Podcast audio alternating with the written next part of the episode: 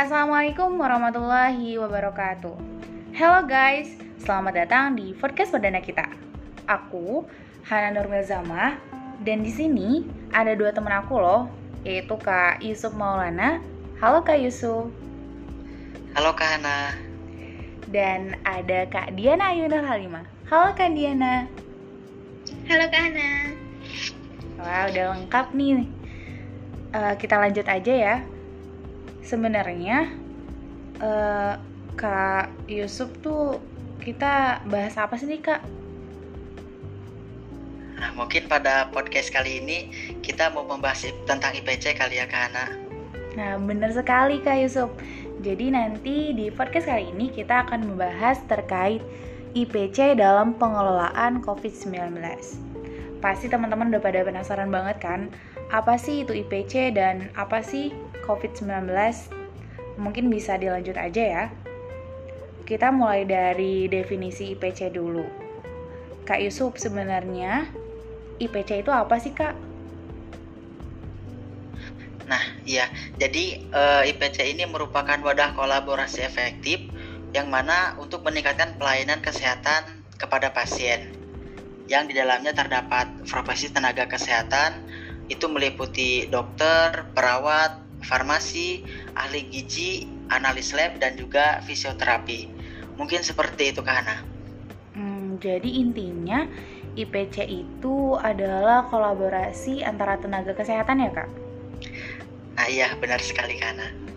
Nah karena kita udah tahu nih kan pengertian dari IPC, mungkin bisa dibantu oleh Kak Diana untuk uh, dijelaskan apa sih Kak COVID-19 itu? Begini Kak Hana, jadi COVID-19 itu adalah penyakit menular yang disebabkan oleh Severe Active Respiratory Syndrome Coronavirus 2 atau biasa kita sebut sebagai SARS-CoV-2. Jadi tanda dan gejalanya itu seperti gangguan pernapasan, demam, batuk, dan sesak nafas.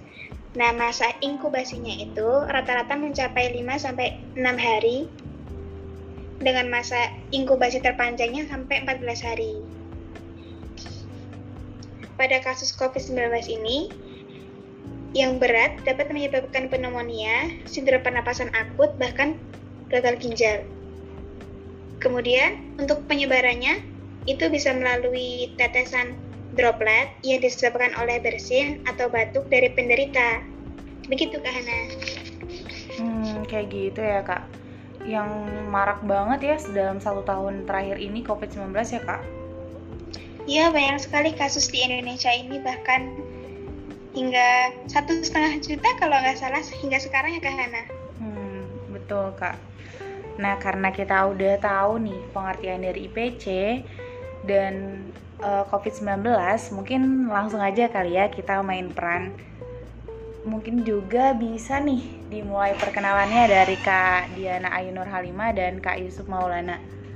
Kak Diana, uh, ayo Kak, saya, Diana Ainur Halimah, berperan sebagai analis kesehatan. Saya Yusuf Maulana, peran sebagai dokter.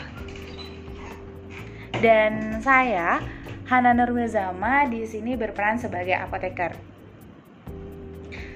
Karena udah jelasin nih kan uh, peran-perannya, mungkin bisa Kak Diana dipaparkan peran dari analis kesehatan. Jadi, dalam kasus COVID ini, seorang analis kesehatan berperan melakukan pemeriksaan laboratorium pada pasien COVID. Jadi ada dua pemeriksaan. Yang pertama swab test atau biasa disebut RT-PCR dan rapid test atau tes serologis. Kalau RT-PCR itu dilakukan untuk mendeteksi materi genetik virus. Dalam pemeriksaan ini dapat menggunakan dua sampel, yaitu swab nasofaring yang melalui hidung dan swab nasofaring swab orofaring melalui tenggorokan.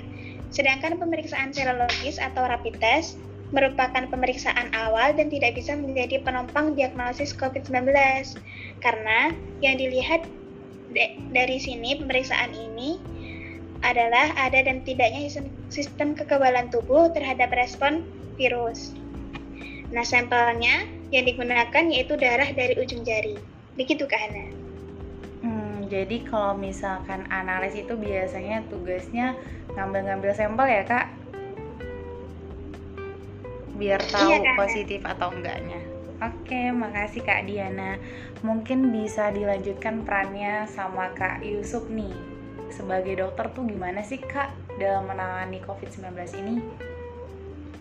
Nah iya karena mungkin eh, untuk peran dokter dalam menangani kasus COVID-19 ini yang pertama adalah tentu memeriksa pasien yang mana tidak lupa juga menggunakan protokol kesehatan yang lengkap seperti memakai APD dan yang lain-lain. Terus eh, untuk yang kedua itu mendiagnosis pasien yang ternyata eh, pasien ini mengalami gejala lain seperti batuk, pilek dan juga demam. Nah, untuk yang ketiga itu adalah meresepkan obat untuk eh, diberikan kepada apoteker. Dan juga eh, peran dokter di sini adalah tidak lupa untuk mengedukasi pasien dengan tetap menjaga protokol kesehatan yang telah dianjurkan oleh Kementerian Kesehatan Indonesia yaitu dengan menerapkan 5M. Apa sih 5M ini? Nah, yang pertama itu adalah mencuci memakai masker. Yang kedua adalah mencuci tangan pakai sabun dan air mengalir. Yang ketiga adalah menjaga jarak. Yang keempat, menjauhi kerumunan. Dan yang terakhir adalah membatasi mobilitas dan interaksi. Mungkin seperti itu Kak Hana. Hmm, jadi kayak gitu ya perannya dokter juga eh, penting banget gitu dalam pengelolaan COVID-19 ini. Mungkin bisa dilanjutkan eh, dengan peran apoteker. Jadi itu juga ternyata ada beberapa peran juga nih apoteker dalam pengelolaan COVID-19. Menurut Profesor Dr. Apoteker Kerry Lestari, jadi apoteker ini bisa memberikan terapi antivirus, pengobatan simptomatik, dan suportif berdasarkan kondisi klinis pasien yang terkena COVID-19. Selain itu, juga dapat memberikan perawatan mendukung seperti terapi oksigen, hidrasi, kontrol demam, dan nyeri. Bisa juga memberikan antibiotik jika e, terdapat koinfeksi bakteri. Nah, selain itu, e, apoteker juga dapat memberikan obat antivirus nih jadi ada obat yang ternyata setelah diberikan kepada pasien COVID-19 eh, gejalanya membaik secara signifikan. Obatnya yaitu remdesivir. Selain itu, obat yang mengandung kloroquine fosfat dan hidrokloroquine ternyata eh, secara eh, efisien dia bisa menghambat infeksi SARS-CoV-2 teman-teman secara in vitro. Nah, tapi harus diformulasiin secara hati-hati dan terus memonitor penggunaannya biar tetap aman dan efektif kayak gitu. Selain itu, uh, jika ada pasien COVID-19 yang ternyata ada gejala demamnya bisa diberi obat seperti paracetamol saja yang memang aman kayak gitu. Apoteker juga dapat memberikan obat yang mengandung kortikosteroid, tapi ternyata nggak direkomendasi ini sama uh, Kemenkes karena ternyata berpotensi memperpanjang replikasi virus. Untuk pasien COVID-19 yang ternyata penyakitnya tuh cepat berkembang, terus parah dan kritis, apoteker dapat memberikan terapi plasma konvalesen.